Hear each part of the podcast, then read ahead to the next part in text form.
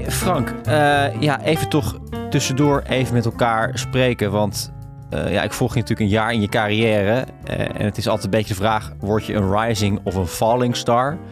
Nou, is er deze week wat naar buiten gekomen dat er misschien wel op duidt dat jij een rising star bent? Want goed nieuws, toch? Ja, ja, het kan nu alleen nog maar minder. Nee, ja, nee we hebben de FIFA verslagen. Kijk, we hadden een klacht ingediend bij de FIFA omdat ze hadden beweerd dat het WK klimaatneutraal was. Ik denk niet dat iemand dat geloofde, die claim. Dat je zo'n heel evenement kan organiseren. Dat je dan eindelijk kan zeggen, oh, geen klimaatimpact. Maar ja, de FIFA beweerde het wel. En je mag dit in de meeste landen niet beweren als je dat niet heel goed onderbouwt.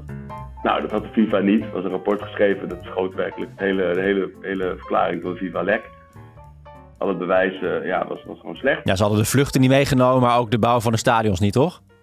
Ja, ze telden de bouw van de stadions mee voor de periode dat er het WK ingespeeld werd. Met een soort van assumptie van ze gaan jarenlang in gebruik blijven. Dat hadden ze niet een periode aangegeven, maar zo ontzettend lang. Ja, hoeven maar een heel klein deeltje mee te tellen. Dus dan kom je op 0, zoveel procent, dat weet ik niet meer precies, van de totale impact. Ja, dat is gewoon echt uh, zoemelijk. Ehm, en vervolgens, als je iets klimaatneutraal wil maken, dat is natuurlijk altijd wel een beetje een dubieuze term, maar dan moet je aan het einde, je moet eerst heel erg goed reduceren. Nou, dat hebben ze niet gedaan. En je moet aan het einde moet je gaan compenseren. Nou, dat is op zich problematisch. Zo werkt de wereld niet. Het is niet uh, één vliegtuig, uh, tripje en dan uh, zoveel bomen en dan is het probleem weg. Maar goed, als je dat dan doet, zijn er allemaal internationale standaarden. En daarvan deden ze ook niet aan. Dus het was, het was gewoon slecht.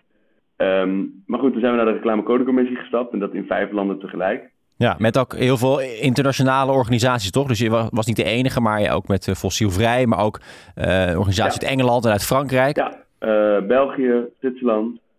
Ja, dus in vijf landen tegelijk. En die zeiden, oké, okay, FIFA is een Zwitserse organisatie. Dus we sturen het allemaal door naar onze Zwitserse collega's. En dan gaan die zeggen of jullie, of jullie klacht terecht is. Dat de FIFA dit nooit had mogen zeggen. En dat duurde maar en dat duurde maar. En wij hoopten natuurlijk ergens aan het einde van het WK misschien een uitspraak te krijgen, of in ieder geval snel daarna. En we hoorden maar niks. En we hoorden maar niks over de verdediging van de FIFA. En die mochten we niet zien. En het werd een beetje een zeurend proces. En toen kwam er gisteren opeens de uitspraak. Jullie hebben aan alle manieren gelijk gekregen. Uh, de FIFA had dit nooit mogen beweren, want ze hebben het niet onderbouwd. Dan mag je het niet zeggen. Um, en de FIFA mag dit dus vanaf nu ook niet meer, ook niet meer beweren. Dus dat is een uh, stevige tik op de vingers van. Uh, van... Ja, en hoe gaat dat dan? Zo'n uh, zo'n klacht indienen, is dat een enorm papierwerk of is het gewoon ergens online een formuliertje invullen? Hoe werkt dat? Nou, heel eerlijk, hadden anderen gewoon al bedacht wat FIFA allemaal fout had gedaan.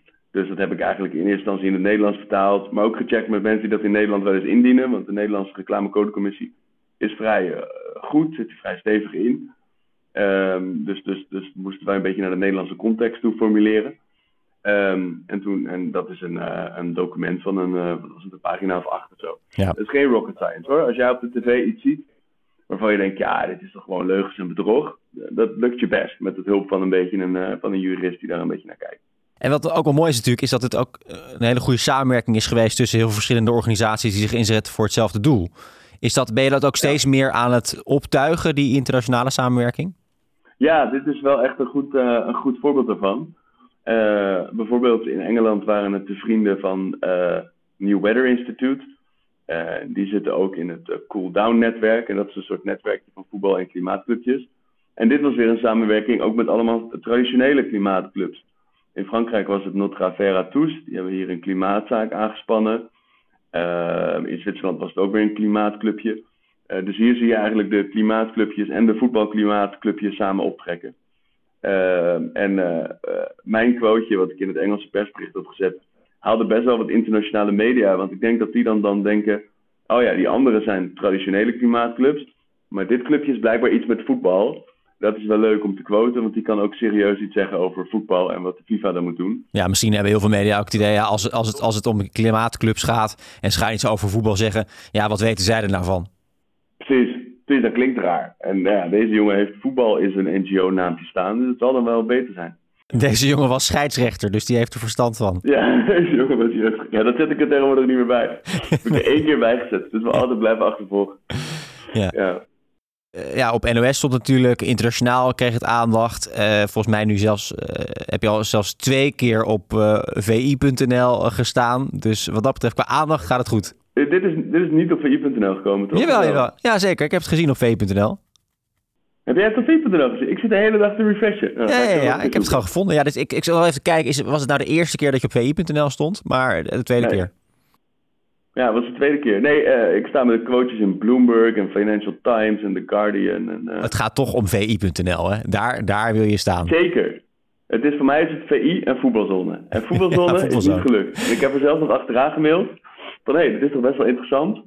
Ik heb zelfs nog gezegd, hey, andere media hebben er ook wel over geschreven. Wat volgens mij toch altijd de standaard is voor voetbalzone. Namelijk, dat is een bron van informatie andere journalisten. Maar uh, nee, voetbalzone ja, is niet. Uh, ik kan bij The Guardian staan bij Bloomberg. Uh, maar bij voetbalzone en ook bij voetbalprimeur kom je natuurlijk niet zomaar. Ja, nee, precies. Dat is een standaard hoor. Ja, voetbalprimeur, daar moet ik nog echt contacten gaan leggen. Ja, dat klopt, ja. Hey, um, nou ja, dit is mooi. Veel media-aandacht. maar wat, wat, wat kunnen we hier nou verder mee? Want het WK is al geweest. nou ja, misschien ja. kunnen we verwachten dat volgende toernooien niet zo snel meer die claim zullen maken. Dat misschien. Dat is al een winst. Maar is het ook iets wat nog meer gaat, eh, wat nog meer effect gaat hebben, denk je?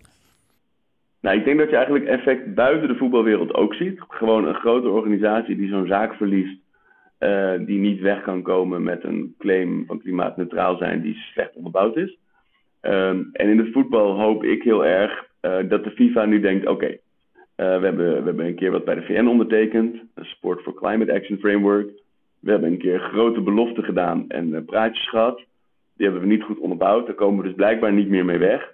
Dan kan je eigenlijk twee kanten op. Je kan het er gewoon niet meer over hebben en hopen dat het overwaait. Uh, of je kan het er nu over gaan hebben en je gaat er wat realistisch over hebben. Uh, en hopelijk ga je dan ook serieuze klimaatplannen maken. Dus volgens mij, wat we gisteren ook in de communicatie probeerden, en wat ik hoop dat we nu ook kunnen gaan, misschien wat meer campagne op kunnen gaan voeren, is voorstellen om de FIFA echt klimaatactie te laten ondernemen. Dus het nog maar een keertje te hebben over hun vieze sponsoren. En het nog een keer te hebben over de alsmaar uitbreidende voetbalkalender. Dus ik denk, uh, ja, dat, dat zou natuurlijk de volgende stap moeten zijn. Dat FIFA voelt er is druk, we komen niet overal meer mee weg, we gaan nu serieus actie ondernemen. Uh, maar ik heb nog niet de inkijkjes in de FIFA om, om echt te kunnen inschatten of dat die. Ja, het is, het is natuurlijk ook een hele mooie vorm van activisme. Hè? Er is natuurlijk nu veel aandacht voor activisten die de straat op gaan. Dit is eigenlijk een meer soort van ja, formele juridische route. Uh, die, ja. die past jou ook wel. Uh, ja, het, ja, dat is prima. Ja, maar ik denk dat die combinatie heel sterk is. Dat je zag bij, uh, ja, bij best wel organisaties dat dan aan de ene kant staat Extinction Rebellion staat op de stoep. Um, en de andere staan, hè, dus, dus KLM en Schiphol staan onder druk in, die verliezen zaak na zaak bij de reclamecodecommissie, in ieder geval KLM. Nou, het vliegveld wordt bezet en ze hebben een rechtszaak aan de broek van, van fossielvrij voor al hun groene leugenachtige claims. dus ik denk dat die combinatie op, van manieren van druk zetten gewoon heel goed is.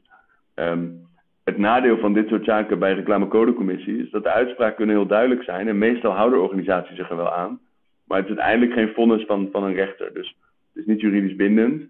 Um, en je ziet, dat zie je bij, bij KLM bijvoorbeeld, dan gaan ze gewoon net een beetje anders formuleren.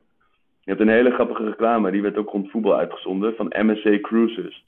En dat is mhm. een soort, de hele vibe van die reclame is, wij gaan proberen te verduurzamen. Ja. Ze beloven eigenlijk helemaal niks, maar ze stralen heel veel duurzaamheid uit. En dat gaat dan over, nou ja, weet ik wat voor eten ze serveren, allemaal dingen. Het gaat in ieder geval niet over de brandstof die ze in die, in die cruiseschepen gooien en die ze op open zee verbranden. Ja, uh, maar wij gaan het proberen. van de vervuiling is. Applaus. Ja, fantastisch. Ja, ja. ja en dat is dus een claim waarbij je waarschijnlijk geen problemen krijgt, denk ik, bij de reclamecodecommissie. Want je hebt niks beweerd wat je niet waar kan maken. Maar je hebt tegelijkertijd wel een hele misleidende indruk gewekt. Kijk ons even groen zijn. Terwijl je gewoon ja, het niet hebt over de dingen waar het over gaat, namelijk je fossiele brandstof een hele mooie overwinning, denk ik, voor jou persoonlijk, maar ook voor uh, jouw organisatie en voor de voetballerij en voor het klimaat. Um, ondertussen gebeuren natuurlijk ook weer wat minder mooie dingen in de voetballerij. Zo gaan er allerlei spelers naar Saoedi-Arabië voor heel veel geld, gaan werken voor rijke ja. olie-sheiks eigenlijk. Uh, Benzema voor 600 miljoen salaris, ja. daar naartoe Kanté, Cristiano Ronaldo is al gegaan. Wie weet, uh, ja. zullen er nog wel meer volgen. Hoe kijk je daarnaar? Nou ja, het enige is dat Saudis beter hun geld kunnen besteden aan voetballers dan aan olie en gas winnen. Ehm, dat is werkelijk het enige, enige positieve eraan, denk ik. Uh, ja, ze zijn gewoon hun reputatie aan het proberen te, te, te verbeteren. En dat is gewoon met, nou ja, gewoon, is gewoon een van de meest repressieve landen ter wereld. Het is natuurlijk gewoon een rare rechte bondgenoot, westerse bondgenoot.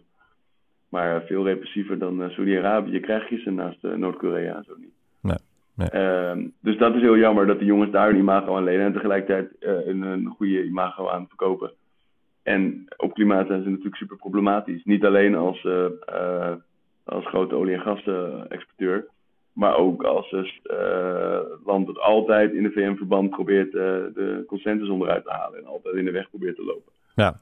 En de vraag is of, ja, de vraag is of zeg maar, er een directe link is tussen hun succes hier en hun succes in de VN. Um, maar qua reputatie is het wel vrij ja, super problematisch dat voetballers dat, dat doen. Ja. Dat het is goed dat Messi naar uh, een beetje aan de Amerikaanse kust gaat. Precies, ja. Dat is weer fantastisch, hè? Messi naar Inter Miami. Ik ben er nog geweest, ja. toevallig vorig jaar. Leuk clubje, roze tenue. Oh. David Beckham is de eigenaar, toch? Ja, stonden laatste, toch? Ja, stonden vijftiende, laatste, ja. Ja, dus nou, die gaan in ieder geval wat hoger eindigen volgend jaar, dat is wel zeker. Uh, en uh, nou, god, uh, van harte gefeliciteerd. Frank, ik denk dat dit wel de, de nee. mooiste overwinning tot nu toe is. Zeker. Zeker, zeker nu ik weet dat, ik ook op, dat we ook op VI stonden natuurlijk. Precies, ja. Nou, top. Goed je eventjes tussendoor nog even te spreken. Wij zien elkaar binnenkort Yes. weer voor een uitgebreider gesprek. Top.